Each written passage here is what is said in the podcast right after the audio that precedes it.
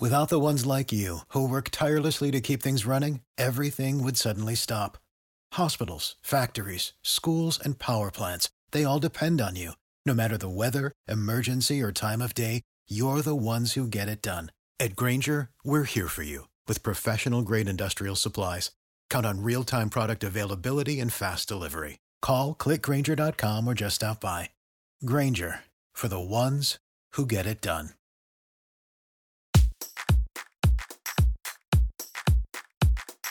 Du lytter til Radio Runkedor. Her får du podcasten Den gamle gris og feministen. I denne uge taler Jesper Grundvald og Dorte Rømer om magten i medierne. Alting handler om sex. Undtagen sex. Sex handler om magt. Min første reaktion var, at den visne fjer ønskede jeg ikke at sætte i min professionelle chefhat. Det var forfængeligheden før skylden. Det må jeg erkende, ellers vil jeg lyve over for dig.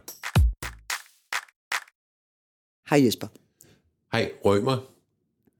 Vi skal tale om magt i dag. Ja. Øh, og meget apropos magt i medierne.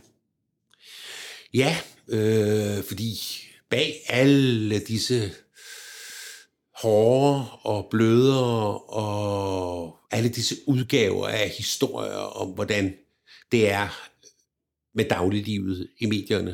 De krænkelseseksempler, der er alt det, der ryger ud i tabloidpresse og i personfnider, øh, som vi har erklæret, at vi ikke øh, vil gå ind i af, af gode grunde, synes vi.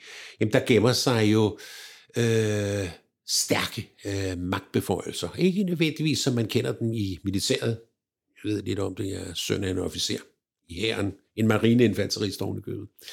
Øh, ikke det der, du skal, du skal, du skal, men den underliggende magt, altså den, der handler om, at man er afhængig af hinanden for at få succes. Ja. Og succes er eksponering af mig. Der ligner vores to verdener hinanden, ikke? Rigtig meget. Og det er jo ikke den der øh, hire and fire magt. Det er magten til at påvirke en andens ansættelse og forlængelse af ansættelsesforløb. Og, det, og det, det, det er lidt junkie-agtigt. I, I aftes, da jeg sad og forberedte mig mentalt på det, vi skal tale om i dag, så kom jeg til at tænke på en helt barnlig historie om, hvornår jeg havde den der junkie-fornemmelse. Ja, helt med. Det, det kunne have været, da vi lavede straks i sin tid, og Godmorgen P3, hvor jeg var øh, chef, og det var nye, og hvad siger folk, eller dengang prinsen var gæst hos Alex Nyborg, og sådan nogle ting.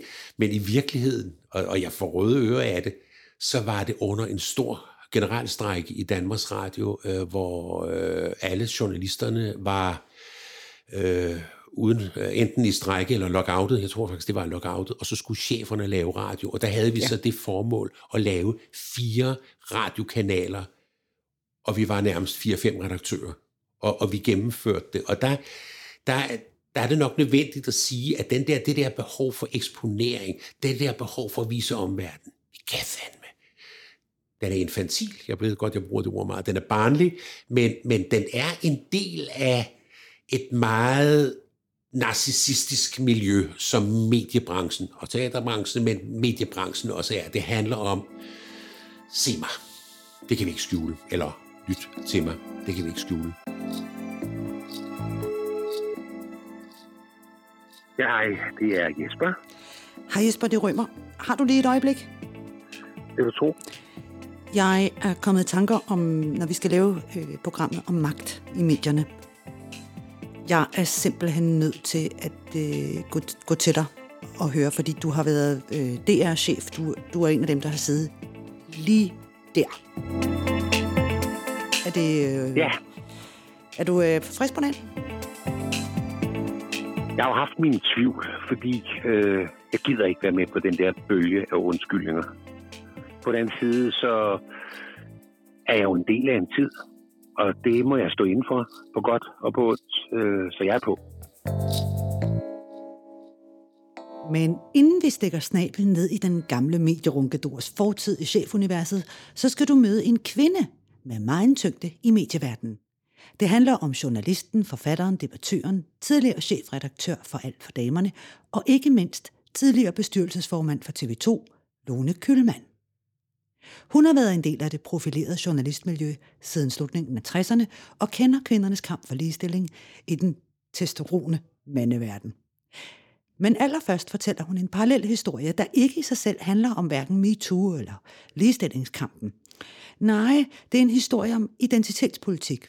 Ikke i forhold til køn, men i forhold til race eller etnicitet, som vi jo siger i dag. Lone Kølmand vil fortælle om sin amerikanske veninde, som hun mødte under deres journaliststudie på Columbia University for et halvt århundrede siden. Lone var i årtier sikker på, at den afroamerikanske journalistveninde, som fik en stor karriere og tilhørte den akademiske og kulturelle højere middelklasse, var frisat for fortidens synder og havde lagt undertrykkelsen af de sorte bag sig. Uh, Margot Jefferson, som uh, er en meget berømt amerikansk journalist, og som jeg har kendt i over 50 år. Vi gik på Columbia sammen. Uh, og jeg betragter hende som en af mine nærmeste venner. Hun fik Pulitzerprisen uh, i 1995. Hun var i mange år anmelder både teater og boganmelder på, på New York Times, og er professor i journalistik på Columbia i øvrigt. Og hun udgav i, øh, jeg tror det var 2015, en sådan et memoir i selvbiografiske tanker, og øh, den kaldte hun Negroland, Nederlandet, og, øh, og det var der jo stor oprør over. Men som hun siger, sådan var det altså. Hun kommer fra øh, en kan man roligt kalde overklasse, højborgerlig familie i Chicago. Hendes far var overlæge på et børnehospital i Chicago, og hun voksede, hendes mor var, det amerikanerne kalder en socialite, altså en, der går med hat og handsker og øh, drikker te med andre damer og spiser frokost og sådan noget. Og, og Marco voksede op sammen med sin øh, søster Denise, som desværre nu er død, men som endte som leder af Alvin Ailey's balletskole. Så det var altså to piger, som klarede sig godt, og de har også virkelig fået en fin opdragelse og lærte at opføre sig ordentligt og sidde ordentligt i bordet og spise pænt og opføre sig ordentligt over for andre mennesker og tale pænt og absolut ikke tale øh, sort. De talte pænt, og deres ambition i livet, forældrenes ambition i livet var, at pigerne skulle være øh, så nær et vidt højborgerligt ideal, som man overhovedet kunne komme.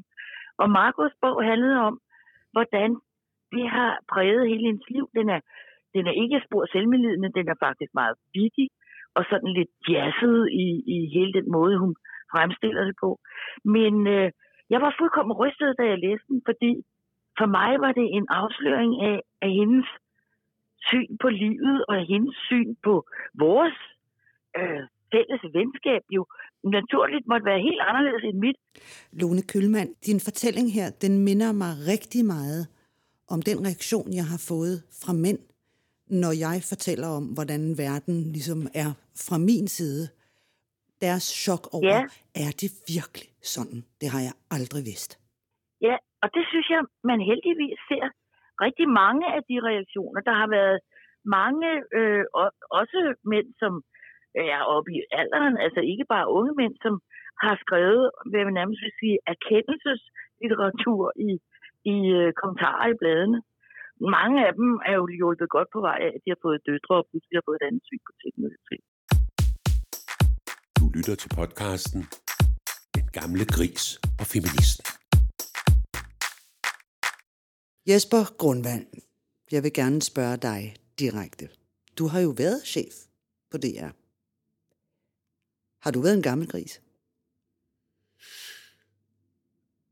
Jeg har besluttet, at jeg ikke vil gå ind i forsvarsdebatten, fordi noget af det sværeste, altså i forsvaret af, hvordan jeg har været, fordi noget af det mest tyngende i den debat, der er der i øjeblikket, og det jeg har det sværest med, det er det, øh, den offerrolle, som øh, mange af hovedpersonerne lægger sig selv ind i, eller, eller bruger som det værktøj, der nu engang er til at forsvare sig. Så jeg har besluttet, at jeg hellere vil fortælle om en af de øh, solide fejltagelser, jeg har gjort. Sådan, mm. Så er jeg ikke... Øh, jeg er en del af den, af den der øh, kultur. Øh, det kan være, at nogen ikke synes, at historien er, er, er vild og varmel nok, men øh, den Men det er jo kun godt. Det er, er, der er jo en grund til, at, at det er dig og mig, der sidder her, for var den vild og varmel nok, så vil jeg jo ikke samarbejde med dig. Nej, øh, eller også havde jeg ikke fortalt dig, hvem jeg var i virkeligheden. Og så vil Radio Gador stoppe nej, meget nej. hurtigt. Øh, og øh, jeg kan i hvert fald ærligt sige, at den stadigvæk giver mig røde ører, fordi jeg synes, jeg opførte mig så totalt øh, øh, umodent og øh, uprofessionelt øh, i den øh, mm. situation. Mm. Og der er et element af sex i den, øh, og det er noget, vi lige skal tale to minutter øh, om inden. At, at det, og det handler jo ikke bare om, jeg vil have dig, øh, for det bliver ikke sådan en historie, jeg kan fortælle øh, min inklination, eller hvordan får jeg hende i kanden, eller det ikke, men, men, men det er jo en del af virkeligheden i mediebranchen, at der er, at erotik spiller en ret stor rolle det gør den jo kan i alle du, brancher. du, ja. Jamen, det gør den jo i alle brancher. Ikke? Og den skønne forfatter, jeg lige har glemt navnet på, siger jo, alting handler om sex. Undtagen sex. Sex handler om magt. Er der ikke nogen brancher, som på nogen måde er tættere på, fordi der er det deres tætte fællesskab, fordi det handler om det følelser, klart. fordi man er, når man laver journalistik, når man laver teater, så fortolker man jo i høj grad sig selv. Det jeg vil tror, sige, man er tæt på personligheden. Ja, en af man hader meget, man elsker meget. Ja, forskellene er også, at det er mennesker, der er produktet. Og der er en stor forskel. Altså, der er forskel på at sælge varmepumper, og så på at dybest set sælge sig selv. At markedsføre sine kollegaer, eller være ansvarlig for at markedsføre mennesker som dem, der nu kan det hele og skal udbrede øh, sandheden eller et værk. Det var nogle generelle om, ord om det, og nu... Kom så. Det, jamen, øh, det handler om en øh, lønforhandling, og dem har man mange af øh, på øh, journalistoverenskomsten og på de øh, andre overenskomster, der har med det at gøre. Det ved jeg både som tidligere tillidsmand og som en, der har forhandlet det rigtig mange gange, fordi lønnen er bygget sådan op blandt journalister, der er vist også analogier til din verden, at det i høj grad, den størrelse i høj grad afhænger af det, du har præsteret øh, jo tættere du kommer på meget folkelige medier, hvor populær du er. I kender alle de debatter derude fra om studieværter, der bliver sagt op og søger nye steder ind osv. Og jeg sad så i en øh, lønforhandling med en kvindelig medarbejder, hvor mit udgangspunkt var, at der ikke ville blive tale om en forholdelse. Ikke? Og det er jo så en, en upopulær rolle, og sådan er det, det er en, en del af spillet. I forbindelse med den samtale kommer vi også til at tale om vedkommendes øh, rolle på redaktionen og i det daglige arbejde osv., øh, hvor øh, hun føler sig øh, ikke tilstrækkeligt øh, agtet for det, hun laver. Og på et eller andet tidspunkt øh, kommer jeg med, med, med, med følgende bemærkning. Øh, sådan nogenlunde gengivet, som jeg husker den. Jamen, du bliver sgu nok nødt til at leve med, at i vores branche og i vores miljø er det sådan, at når man har store bryster, så er der også nogen, der automatisk tror, at man ikke har særlig meget mellem ørerne, at man ikke er særlig klog. Jeg vil ikke undskylde med, øh, hvorfor jeg sagde det osv., men det var sådan en, en kæk, usædvanlig dum bemærkning. Ja, i specielt i en lønforhandling. Ja, det må man sige. Og så også den der unødvendige seksualitet, ja. som jeg mener, jeg har været ret dygtig til at holde ud, for jeg er et seksuelt væsen og sådan noget, men som jeg har sagt fra den første udsendelse, vi har lavet sammen, jeg tænder altså på, på kvinders lyst, mm. og ikke på, at jeg skal overtale øh, dem, eller, eller være dumsmart eller noget. Jeg var blevet stigt også. Ja, det, ja, og det havde jeg også fortjent. Forhandlingen slutter, der bliver ikke tale om nogen lønforhøjelse, øh, og det ender med en klage til min chef over, at jeg bringer sådan noget på bane under en øh, øh, lønsamling. Ja, men det var også helt passende. Det må man sige, det må man sige. Og jeg var simpelthen så flov. Og, og, og jeg, var, jeg var også igennem den fase, som andre mere kendte studieværter er for tiden, nemlig uretfærdighedsfasen. Altså den fase, som jeg havde så meget. Jamen, det, det var bare noget, og det var bare for sjov.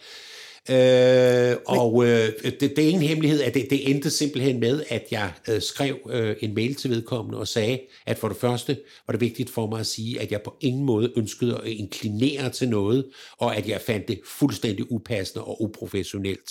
Jeg husker ikke præcist ordene, det er altså en, en uforbeholden undskyldning. Det er det, jeg synes, man kan lære mest af. En undskyldning er oprigtig, når den et adresserer ens egen fejl, To, gengiver, hvor i fejlen bestod. Øh, og tre, at man på den baggrund er kommet til en erkendelse om, at det gør jeg ikke igen. Det er der, hvor jeg synes, at en undskyldning øh, i den grad kan tages helt ind og give ro, og så man kan komme videre. Hvornår opdagede du, det var pinligt, da der var nogen, der sagde, hov, det her var fandme ikke sjovt? Eller var det din egen refleksion, hvor du gik ud og røg en smøg og tænkte, åh, oh, fuck, sagde jeg det? Jeg ville gerne have sagt ja til det sidste, men vi har lovet hinanden at være ærlige. Mm.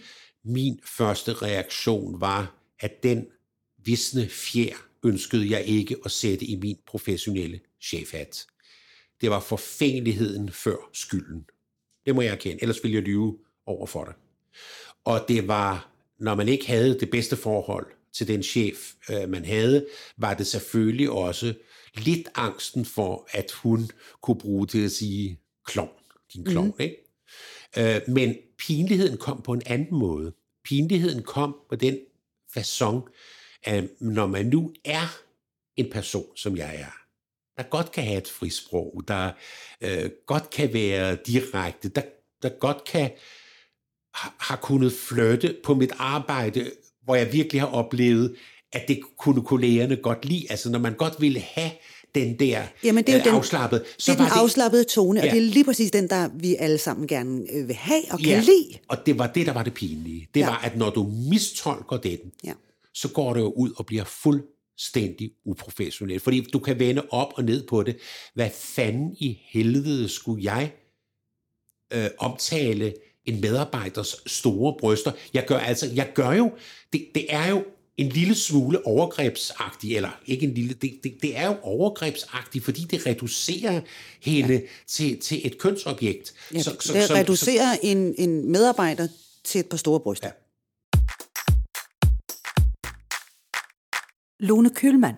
Jeg kan fortælle en historie, som jeg, som, øh, jeg tit underholder med, fordi øh, at den altså, jeg, jeg faktisk indtil hele den her debat, MeToo-debatten kom, har jeg nærmest været stolt af, at jeg var dygtig til at håndtere den her situation. Fordi, som jeg startede med at sige, at det var... Øh, øh, det, vores succeskriterium var, at man kunne manøvrere uden, at det gik ud over ens øh, liv og helbred. Ikke? Og, øh, og det handlede jo blandt andet om, at man skulle komme ud af sådan nogle situationer, uden at nogle af parterne tabte ansigt. Fordi så var, vidste man jo godt, hvem det gik ud over, og det var ikke ham, der forsøgte sig. Da jeg var ganske ung på journalisterskolen, der var der sådan nogle øh, telefaxmaskiner, hvor man gik ind og så, hvad AFP og Reuters og hvad de nu hed, havde skrevet i løbet af natten, så man følte sig velorienteret til at møde dagen. Og de stod inde i sådan nogle skabe, og jeg startede hver morgen ved 8-tiden, når jeg kom på skole, med at læse de her natruller. Og så stod jeg der, og pludselig mærkede jeg, at der stod en mand bag ved mig, og det var en af mine dygtige lærere, og, og han, jeg opdagede ham, fordi han sagde, hvad skal man gøre for at komme i seng med dig? Det synes jeg var sådan lidt mærkeligt kl. 8 om morgenen. Men jeg var faktisk lidt stolt af mig selv, fordi jeg handlede ret hurtigt. Og med det samme sagde jeg har truffet en beslutning om aldrig at gå i seng med mænd, der har indflydelse på min karriere. Og det synes jeg var godt fundet på der tidligere om morgenen. Og så sagde han, hvad nu hvis jeg lover ikke at have indflydelse på din karriere? Og så foldede han armene, som han havde haft ude i, altså nærmest forhindrede mig i at komme ud for det her aflukke. Og så dukkede jeg under hans arm, og så, så sagde jeg, øh, det har du allerede. Det har du allerede haft. Og det har du allerede. Og så gik jeg derfra, og så var jeg faktisk utrolig tilfreds med mig selv. Og bagefter har jeg tænkt, det tænkte jeg faktisk først, da hele den der debat kom igen. Jamen, sådan skulle jeg jo ikke have gjort. Jeg skulle have stukket ham et par flader, så skulle jeg være gået op til rektor og have brokket mig. Fordi så kunne det jo være, hvis vi havde handlet sådan, i stedet for at selv håndtere det og gøre det til en personlig ting, så kan det være, at hele den her bevægelse var kommet noget tidligere.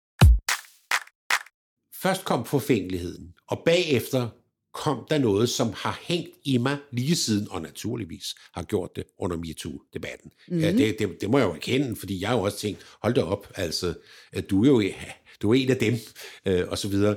Øh, så vil jeg sige, at det, den læring, jeg har taget af det, Altså udover at øh, jeg ikke længere er, er chef i branchen og gik ud af den ikke så lang tid efter, det tror jeg nu nok ikke, der var en sammenhæng i det i den sammen. Den læring, jeg har taget af det, det er noget, vi kommer til at beskæftige os i i de senere udsendelser.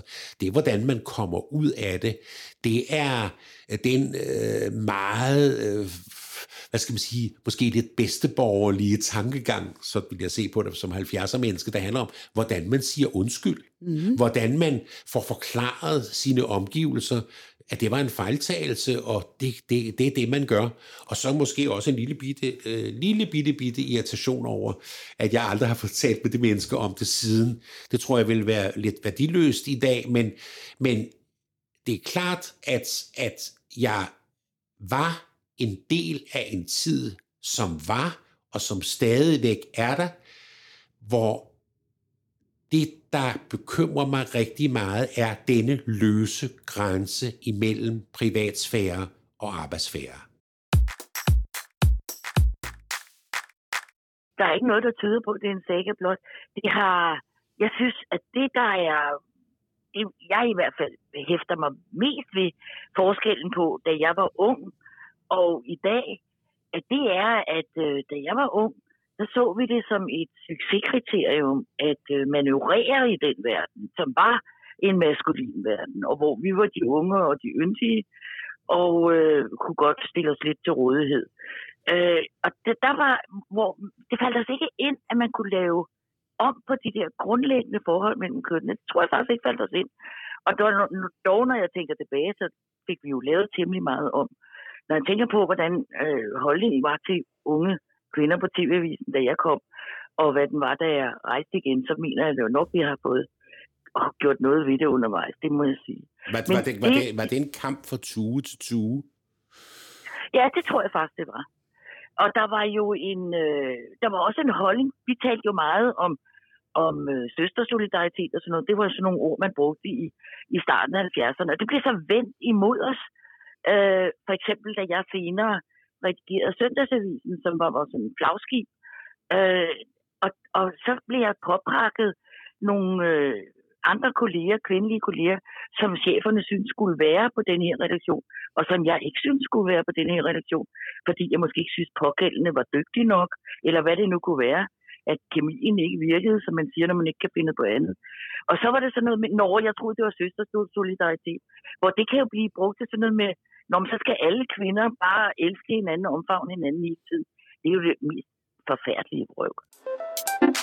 Radio Ronkedor. Vi gør det bare.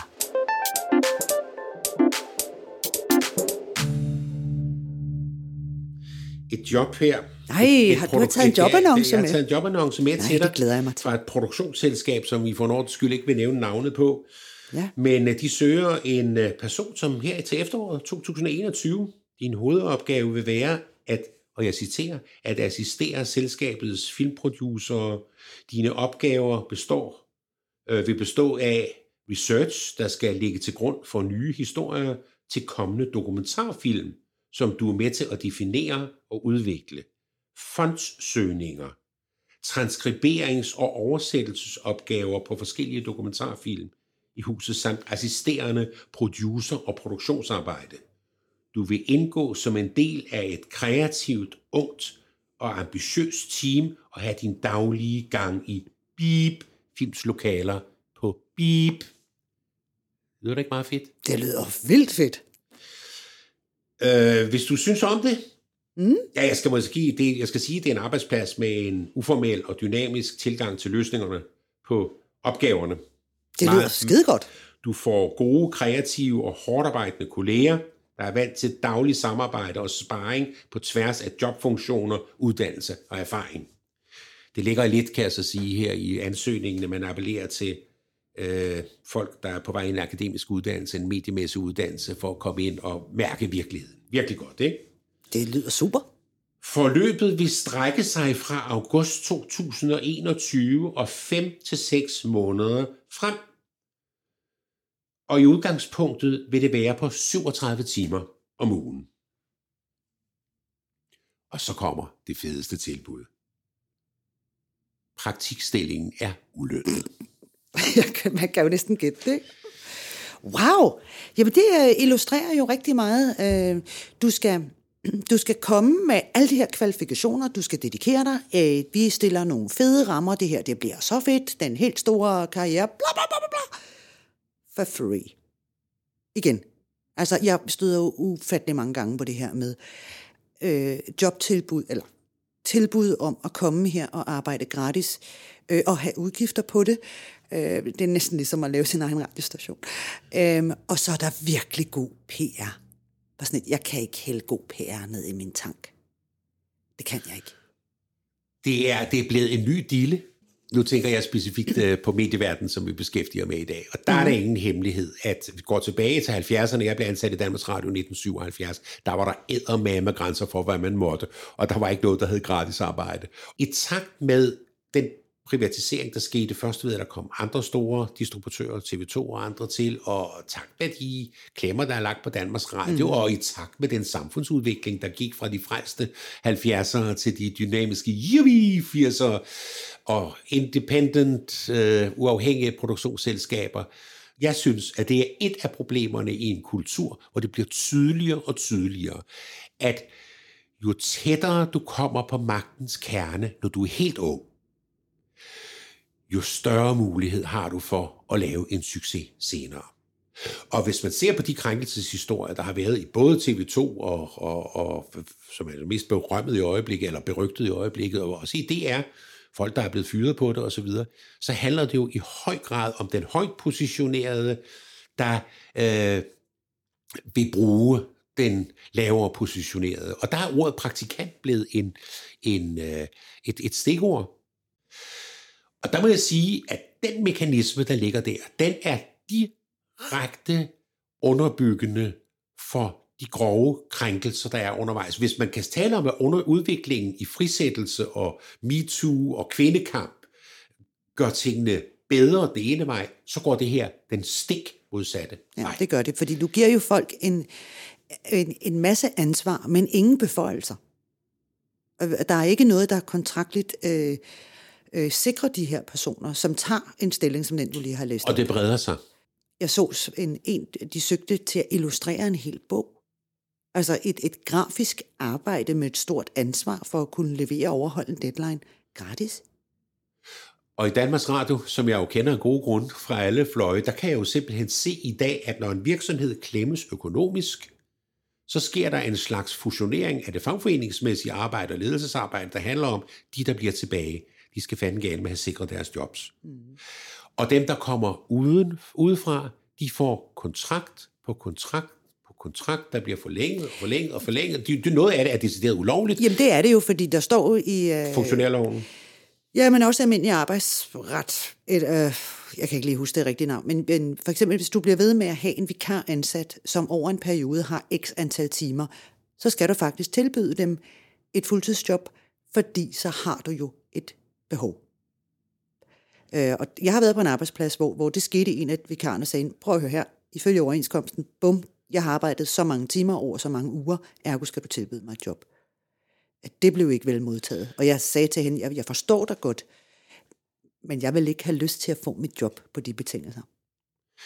I medieverdenen er det i hvert fald sådan i øjeblikket, at det bliver mere og mere almindeligt, at faste jobs ikke er faste jobs. Mm. I DR har man noget, der hedder en TAB, øh, tidsbegrænset TBA-ansættelse, ja, hvor man faktisk får et tillæg for ikke at være fast. Mm.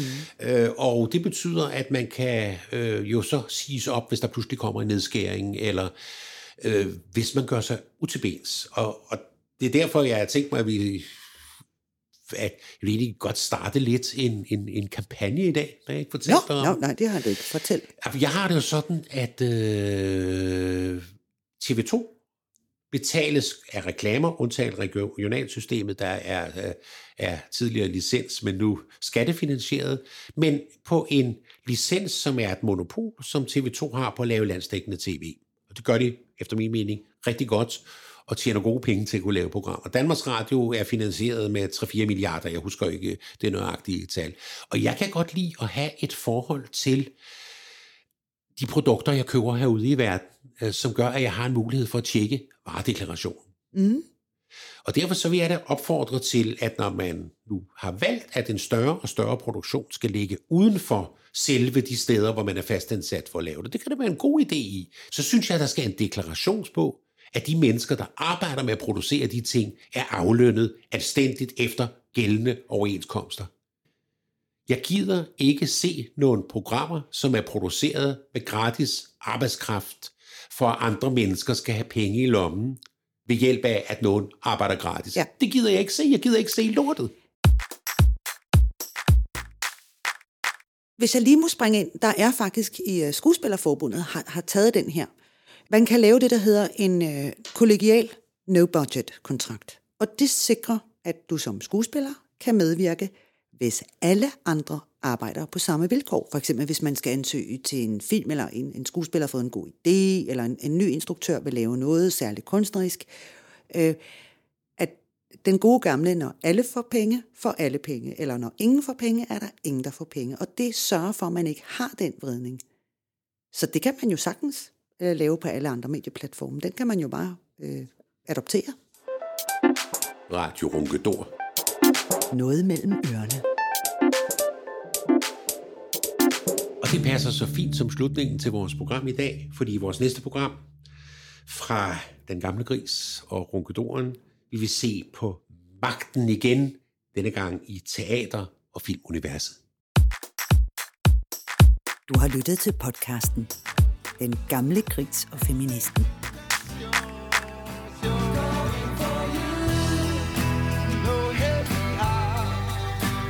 Musikken i programmet er arrangeret og komponeret af Dorte Rømer og Dennis Lee.